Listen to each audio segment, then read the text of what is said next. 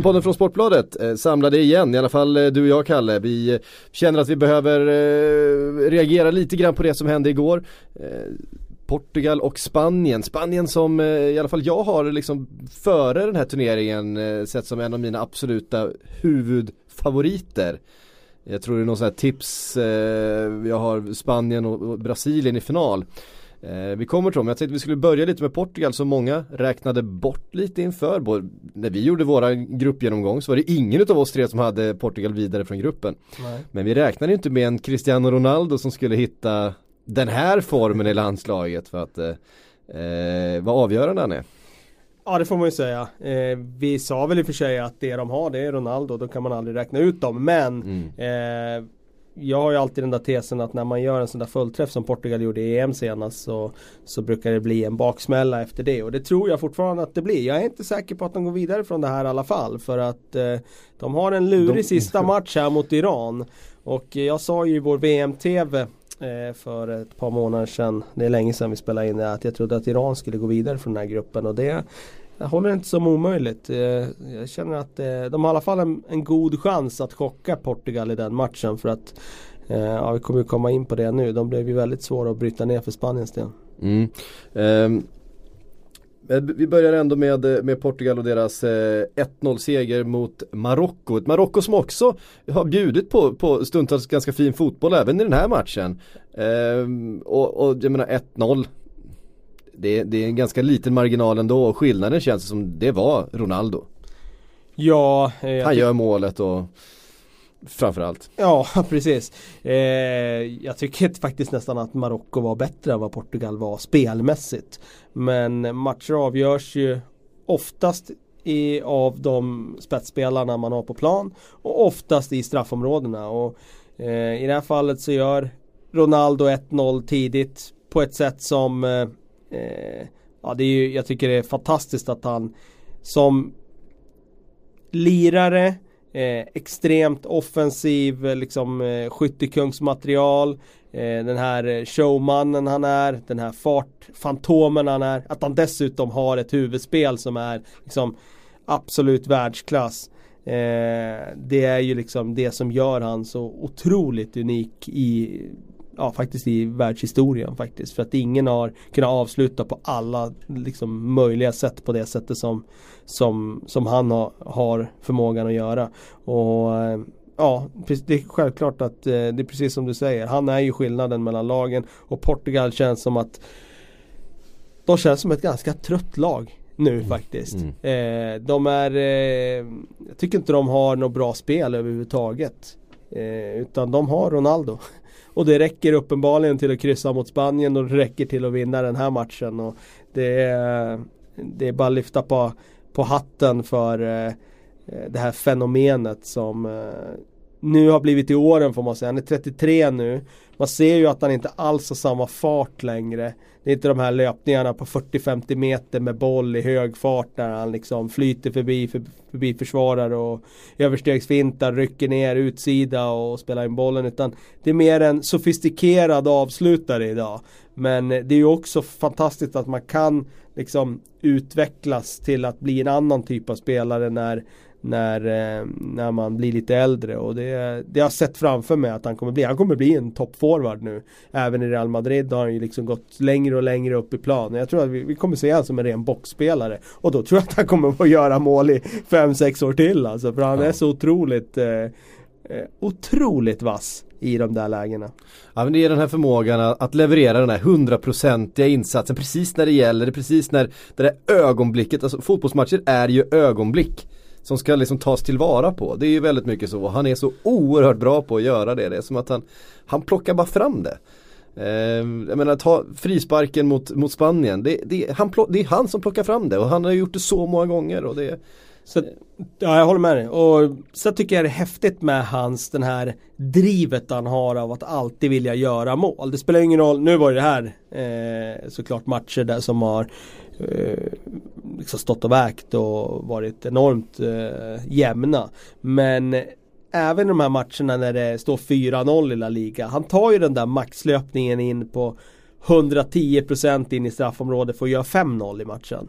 Och det där tycker jag är jag gillar ju den inställningen eh, till 100% att man verkligen eh, Man vill göra mål varje gång och han gör mm. verkligen maxaktioner när, när det blir målläge varje gång. Eh, det är den där högintensiva löpningen in i straffområdet för att man måste ju utgå från att bollen kan dyka upp och han gör var, eh, verkligen det varje gång. Och då kommer han ju till så många lägen. Och samma sak vid hörnan. Det är ingen svår rörelse han gör. Den där kan man ju liksom eh, liksom se forwards göra på alla olika nivåer. Men han gör den och han gör den varje gång och det är det som gör att han mm. så ofta blir fri från bevakning i boxen. Så ja, det, är, det är bara att konstatera att vi har att göra med en världsunik spelare. Mm. Eh, verkligen. Och i den andra matchen igår från den här gruppen, grupp B så Ja vi kan ju säga i och för sig lite till om Marocko där. Ja du, vi, ja, vi, vi, vi tack, tack och hej till Marocko, till Marocko till att börja med för nu är de eh, ute ja, ur turneringen Jag tycker det var synd om dem faktiskt. Nu får de ju skylla sig själva för de eh, var väldigt eh, uddlösa framåt men du sa att de spelar ganska bra. Jag tycker de spelar faktiskt riktigt, riktigt bra i den här turneringen. De gör ju egentligen allt rätt och jag tycker de är bättre än Portugal i den här matchen. Men det de inte gör det är att de inte har någon kyla i avsluten. Och de sprider de bollarna när de väl ska sätta dit den i nät. Och det, ja, det kostar dem ett avancemang i den här gruppen. För de ska egentligen vinna matchen mot Oran sett till de mm. spelar. De ska vinna den här matchen mot Portugal också. Där har de stått på sex poäng i det här läget. Mm. Och då har de varit vidare vad heter han, Ziyech va? Ziyech. Eh, ser ju onekligen eh, spännande ut. Verkligen. Eh, går en, en spännande framtid eh, till mötes men det var hit men inte längre för Marocko. Nu ska de spela sista matchen förstås mot, eh, mot Spanien då i sista omgången. Det blir en formalitet man kan tänka sig ett sånt här lag också då när Spanien kommer behöva tre poäng för att säkra en gruppseger så ehm, oddsen för en spansk seger i den matchen kommer vara ganska låga skulle jag säga. Spanien som till slut fick hål på Iran igår. Eh, det var bland det lägsta man har sett. Den ändå, mm. eh, ändå med en offensiv. Eh, det var inte så att man bara liksom parkerade bussen och, och gick för 0-0 och eh, när man väl anföll så, så gjorde man det med kraft eh, från Irans håll. Eh, och målet som kommer det är ju han har ju tur där Diego Costa, det är ju en, en rensning som, som eh, går på hans ben och studsar in och sådär. De är, de är oerhört svåra att få hål på Iran alltså. Alltså jag, jag älskar Iran. Jag gör verkligen det. Jag fastnade för det här laget i förra VM då när de, och det var väl den där högprofilerade matchen mot Argentina där. När de faktiskt stod emot i 90 minuter tills Leo Messi skruvade in ett drömmål. Eh, men försvarsspelet som de visade upp då var ju formidabelt. Och det är samma spelidé fortfarande. Alltså Carlos Queiroz har alltid varit en defensiv specialist. Och sättet de spelar på försvarsspel på, det måste man ju älska. Det är ju en sak att bara eh, ställa sig lågt. Men sättet de verkligen Det är som att de, varje situation runt eget straffområde är som att de spelar för sina liv.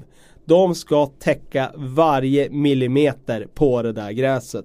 Och som de gör det, alltså jag är full av berundran för det här iranska landslaget. Det... Och, och, för det som Keiros har gjort också. Mm. För han har verkligen matat in i dem att vi kan bara vinna matcher på den här nivån genom att vara supertäta bakåt, vi ska inte släppa in någonting och så tar vi det som blir över. En fast situation eller vad det nu är. Mm. Och Ja det var ju, det var ju 6-3-1, det var den formationen. Det var liksom inget, det var uppställt som 4-1-4-1 i, i min app men eh, det var ju snarare 6-3-1. en rak sexbackslinje. Ja, det var en rak sexbackslinje som låg där nere och det blir ju svårt att, komma till mot ett sånt lag. Och om, om man dessutom har den aggressiviteten som de har. Mm. För det svåra är ju när man blir sådär låg, det är att behålla aggressiviteten. Och det är det som är så svårt för lag som inte är defensivinriktade.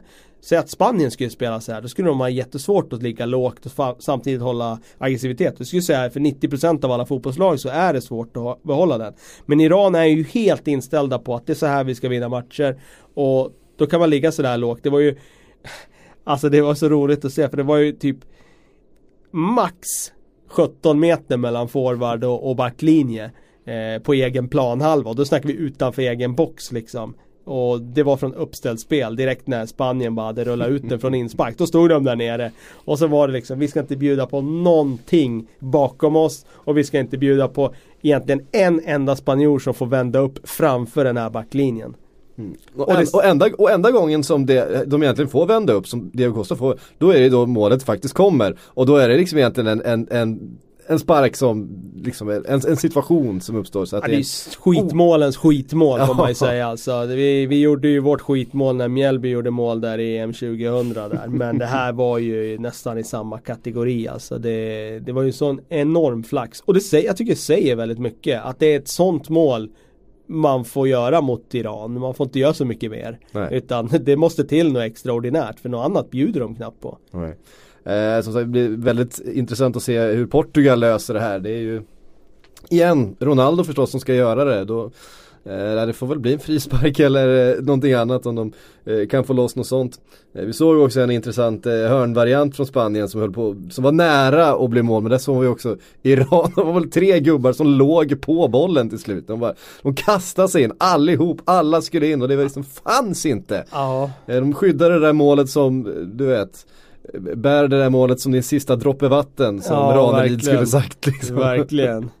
ehm, nej, otroligt. Men en, en, en intressant variant. Den var, har jag, jag har inte sett den innan. Nej, jag har inte heller sett den och den, eh, den var Ja, det, den, den, lyckades ju egentligen till fullo för de kom ju till ett riktigt bra skottläge och det är ju mm. liksom millimeter från att det blir mål. Så att, eh, det var en eh, riktigt bra variant. Jag har svårt att se att något annat lag bjuder på just den mer nu då. Men den kunde, ja, kunde ha gått och jag tyckte de plockade fram den i rätt läge också just i en sån där match mot eh, ja, men, men, Iran där de har svårt att hitta andra typer av lösningar. Och med tanke på att Iran inte ställde någon, någon där eh, framför liksom boxen utan de hade packat in allt i boxen. Mm. Och då fanns det ju möjlighet för vem det nu var som löpte ut där. Jag vet inte, David Silva kanske. Jag tror jag Iniesta va? Iniesta kanske det var. Eh, man älskar ju passningen från, från Isco. För den, den rör sig ju inte en centimeter från den, den linjen han har slagit den på. Den är längs med linjen verkligen hela vägen med, med bra tempo. Mm. Den är inte så lätt att slå alltså.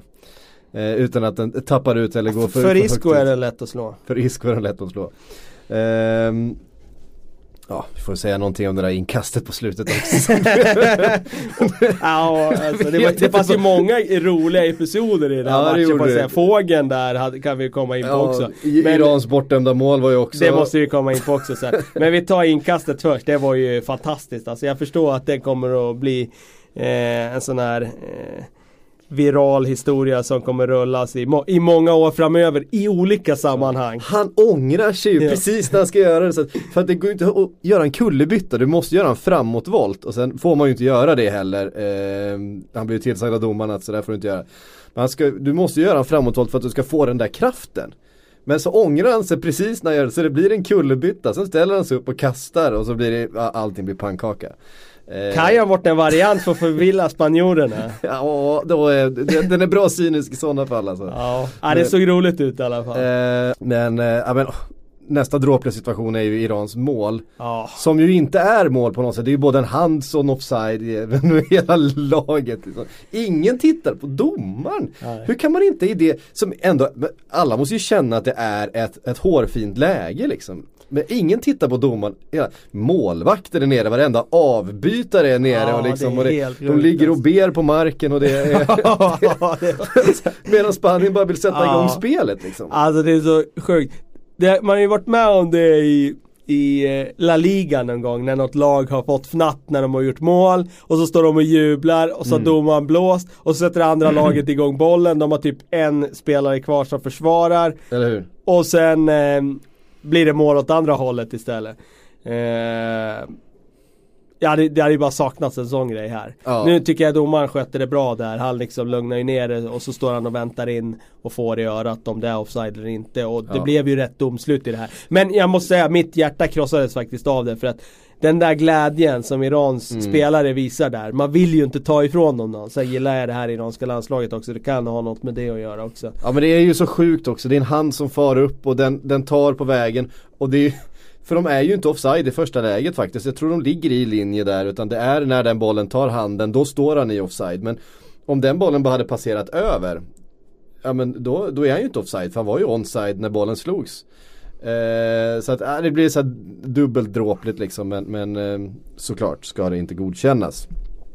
Eh, tre viktiga poäng för Spanien som eh, kan spela hem den här gruppsegern då eh, i nästa omgång då mot, mot Marocko får, förvänta, får vi väl förvänta oss att de gör. Eh, ska jag säga och att, eh, ja ett, en, ett riktigt sånt där eh, slag, ett sjöslag mot Portugal eh, för Irans del i sista omgången för att eh, ta sig vidare då till en åttondel. Jag tror inget lag vill möta Iran egentligen för alla kommer känna att det, det blir svårt. jag, jag, jag, tror precis så också. Jag tror inte något eh, lag i det här mästerskapet känner sig trygga med att möta Iran. Ingen har ju för en plan för det. Nej, och just det där också att eh, det är en match som alla vet att när man går in i den så ska man vinna. Men de vet ju själva hur svårt det blir. Det blir som mental prövning att möta ett lag som spelar på det där sättet. Eh, och jag gissar att eh, Keiros han kommer inte ge en enda millimeter till sin gamla adept Ronaldo. I, i, i den matchen. Det var ju faktiskt Keiros som tog Ronaldo lite under sina vingar i, i Manchester United då när han var tränare till Ferguson där. Och, Just det. Eh, så jag tror att han kommer att de kommer stänga, de stänger ju såklart alla ytor som finns där men eh, just för Ronaldo, han kommer knappt få andas i den där matchen. Ska han ha bollen då ska han ner till backlinjen och hämta den. Det, det, så tror jag det kommer bli. Samtidigt så, det han har då, det är ju det där huvudspelet som är mm. Så att de kan ju slå inlägg mot hans gässa och han kan eh, vara farlig på det sättet. Extremt, kanske världens bästa huvudspelare i, i, i boxen så eh, får man nästan säga. Ja, alltså han är ju definitivt en av de bästa. Sen vet man ju inte hur bra en Ramos skulle vara om han fick vara inne i offensivt straffområde på varje inlägg som slås. Nej. Det får ju han bara gå upp på, på fasta situationer. Mm. Men jag kan tänka mig att han hade haft ganska bra timing om han fick komma in varenda gång det kommer ett inlägg där utifrån kanten från Bernardo Silva. Om han skulle få komma in och nicka där så skulle mm. han nog göra rätt många nickmål också. Uh, han gör ju rätt många nickmål som det är. Bara, ja, det, bara det jag menar. Då, då, bara på fasta liksom. Mm. Eh, absolut. Nej, men det var grupp B, den, den känns eh, spännande i sista omgången just med tanke på eh, Portugal-Iran mötet. Eh, ja, man, det... man, gillar den där gruppen. Jag gillar den där gruppen skarpt. Jag gillar den redan från lottningen gillar den. Just det där för att Iran är ett sånt där lag som eh, under Keiros så kan de slå och skaka vilket lag som helst just för att de har den där den där kompakta defensiven. Mm. Vi, eh, ja, ja, jag sa ju, jag tror de kryssar. Jag sa ju jag skrev det på Twitter. Jag tror de kryssar både mot Spanien och Portugal och går vidare. Men mm. Eh, nu, jag, jag har feeling för Iran alltså. Jag tror att de, det har jag haft hela tiden. Jag tror att de kan ta Portugal i sista här. Mm. Um. Vi eh, går in i en midsommarhelg här så eh, vi får blicka lite framåt eh, kring det som händer, inte minst för svensk del då, Sverige-Tyskland. Eh, blir det en utmaning det som heter duga. Eh, jag vet inte. Vi har ju haft några, några duster med tyskarna genom åren.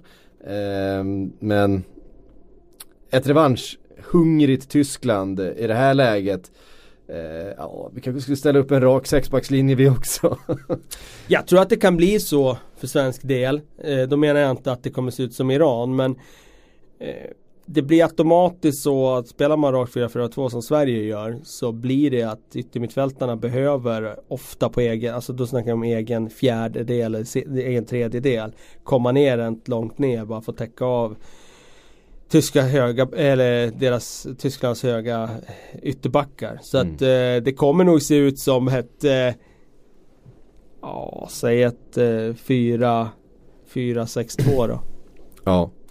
Eh, och om man ska dra några lärdomar då, vi ska titta lite längre fram och så, för jag menar, någonstans måste ju Janne eh, ha en plan för den här matchen. En spelare som man vill stänga ner en, en yta som vi absolut inte får bjuda på. Vi kan väl tänka oss att Tyskland gör några förändringar.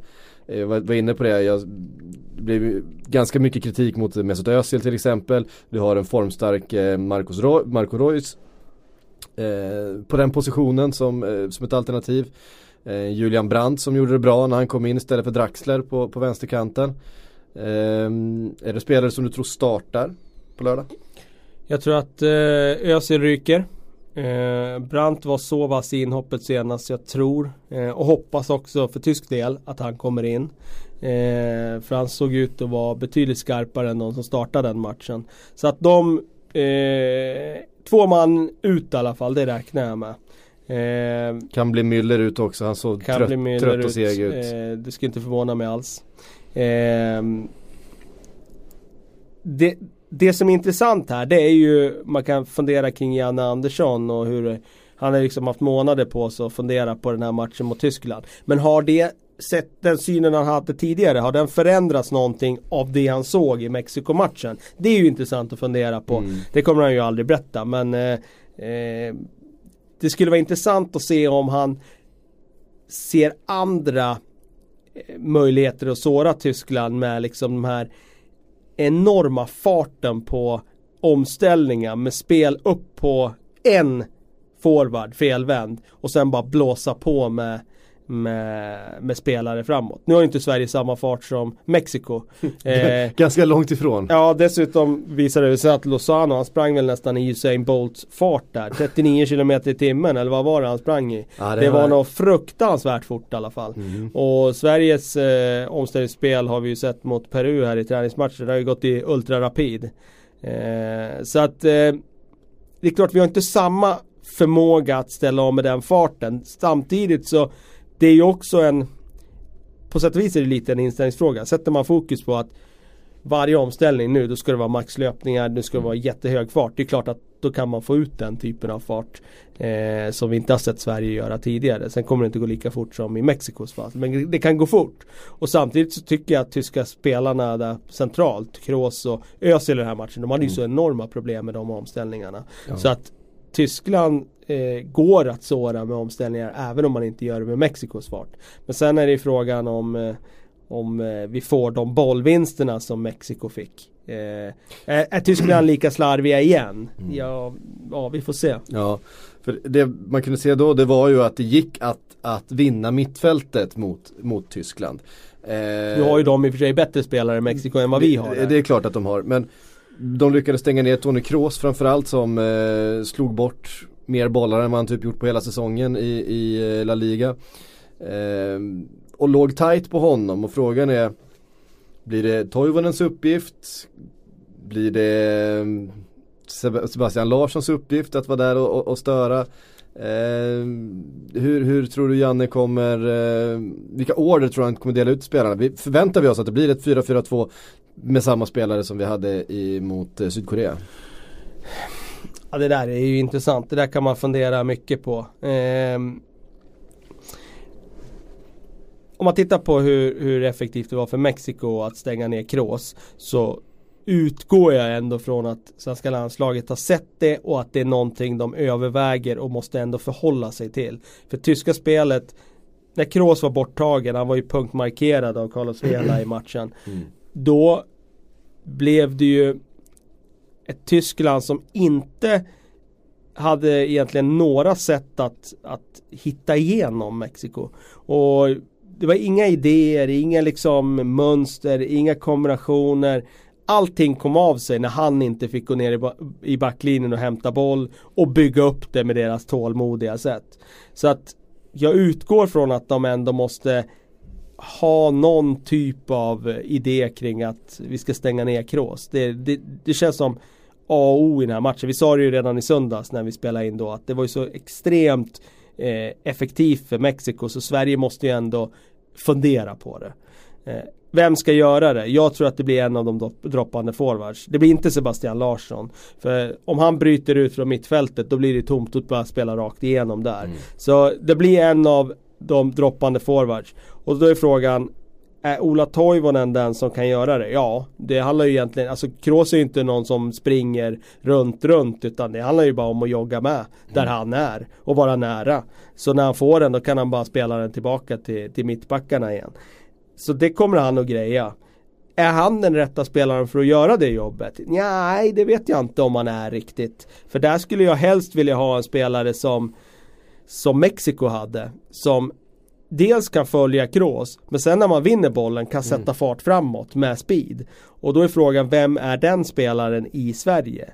Eh, den spelaren har vi ju inte på samma sätt som Mexiko har. Men jag skulle kunna Jag skulle tycka det var intressant om en sån som Viktor Claesson spelades som tia i Sverige i ett 4-4-1-1 och hade den uppgiften att följa Kroos och sen bara vara med och ställde om när vi ska ställa om. För att Toivonen var inte, Toivonen Berg funkade inte riktigt i den första matchen. Och Visserligen så det är klart vi tjänar på att ha en Toivonen som kan vara med och liksom buffla lite och targetspela sig. Men jag tror inte att vi Jag tror inte att han Så här, jag tror att Tyskland kommer störa oss så hårt när vi ska spela upp bollen. Så bollen upp mot Toivonen kommer inte vara tillräckligt bra. Och han har två riktigt starka mittbackar i det fysiska spelet, Boateng och Hummels emot sig. Så jag tror att det, det sättet vi ska slå Tyskland på, det är fart i omställningar. Och vi har inte samma fart som Mexiko, men vi skulle kunna ha mer fart Eh, om vi spelade spelare som har lite fart. Om vi stoppar in en, en Claesson där då och så kanske ta in en Durmas då istället för en Det är det jag tänker ja. Durmas på en kant. Eh, och eh, Emil Forsberg kvar på den andra kanten. Och där vi ska ställa om Det är ju egentligen För jag funderade ett tag på sådär Ska man ha Martin Olsson på en eh, mm. vänster mittfält? Vi snackade om det också tidigare mm. här eh, Men eh, Då ska man ju ha honom på vänsterkanten Ja, och, då måste du flytta, ja, och då måste du flytta på Forsberg. Och då flyttar du från Forsberg från den positionen där han egentligen är bäst och bäst att utmana ifrån. Mm. Och jag tror att det är nog bättre att hålla kvar Forsberg på vänsterkanten precis som Mexiko låg kvar med Lozano i ganska hög position på vänsterkanten och kunde ställa om på den. Olsson istället för eh, Ludde då på ytterbacken för att få lite mer tempo, lite mer överlapp blir det ju när, när eh, Olsson spelar. Ja, skulle kunna vara. Skulle kunna vara. Ludde gjorde en godkänd match i premiären Absolut. men inte mer. Eh, inte mer det tycker jag inte utan han var godkänd.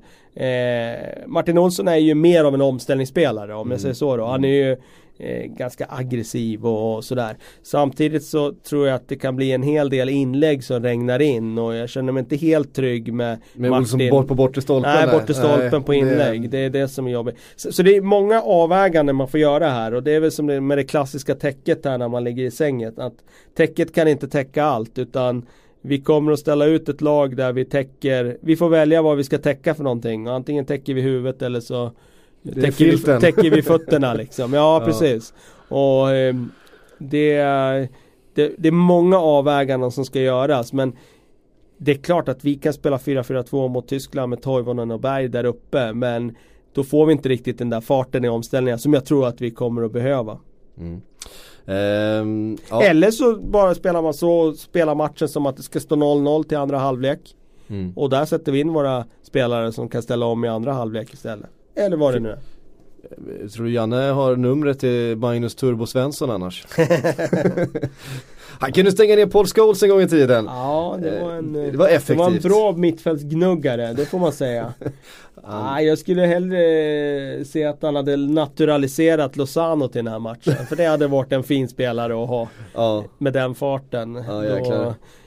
Eh, nej, så här alltså Vi har chansen mot, mot alla lag i den här turneringen. Vi har ett väldigt, väldigt starkt försvar. Vi har en, eh, en känsla i den här gruppen om att vi kan störa de stora genom att vara disciplinerade och inte bjuda på någonting. Men eh, vi får inte sätta många fötter fel för att Tyskland kommer att vara revanschsuget efter förra matchen. Och eh, ja, eh, känslan är att de kommer göra en bättre match än senast. Och då behöver vi också göra, vi behöver vara ännu bättre än vad vi var mot Sydkorea. Sen är det intressant med försvaret där också, Pontus Jansson eller Vigge. Ja precis, eh, Vigge är ju tillbaks då från den här febersjukdomen som eh, eh, tidigare har stökat lite i laget också. Eh, Emil Kraft var det väl som eh, hade feber. Eh, och då är frågan, det är ju ändå Vigge och Granen som har varit mittbacksparet under hela det här kvalet. Eh, det kommer, ja, det, bli, det kommer, inte bli, lite att göra för mittbacksparet Nej det kommer det inte bli. Nej det naturliga är ju såklart att han går in och spelar igen om han är frisk och fit for fight. Om man bedömer att han är det. Det är ju det naturliga. Det är de som har tagit oss hit och det är ju han som har eh, den högsta högsta nivån av av han och Pontus Jansson. Samtidigt så tycker jag Pontus Jansson gjorde en väldigt, väldigt bra match i premiären.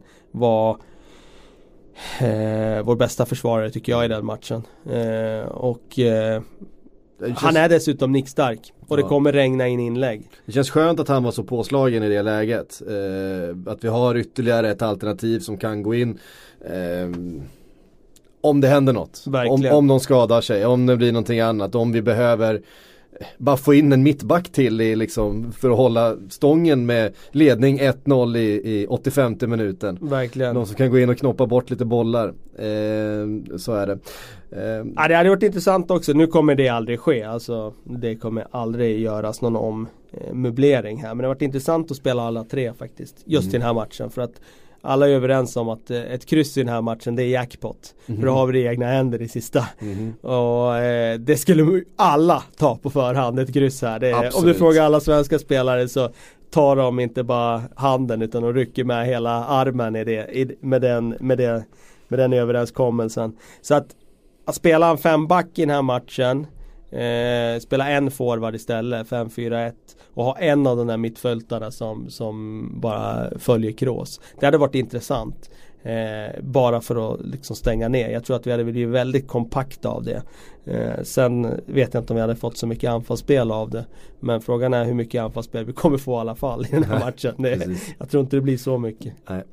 Den som lever får se. Eh, vi eh, är tillbaks härifrån eh, vår VM-studio på söndag. Då ska vi snacka ner den här matchen som vi precis har snackat upp. Då har vi facit i hand. Då, har vi firat vi... midsommar i Pontiac Silverdome. förhoppningsvis med nya svenska glada minnen. Ja, absolut. Och ja, massor med andra intressanta matcher förstås under helgen. Jag ser fram emot Argentina-Kroatien. Det jag ser fram emot varenda minut av VM som ska spelas fram ja. tills vi hörs här på söndag. Ja, det gör vi. Eh, tills dess, tack för att du kom Kalle, tack för att ni har lyssnat. Eh, glad midsommar!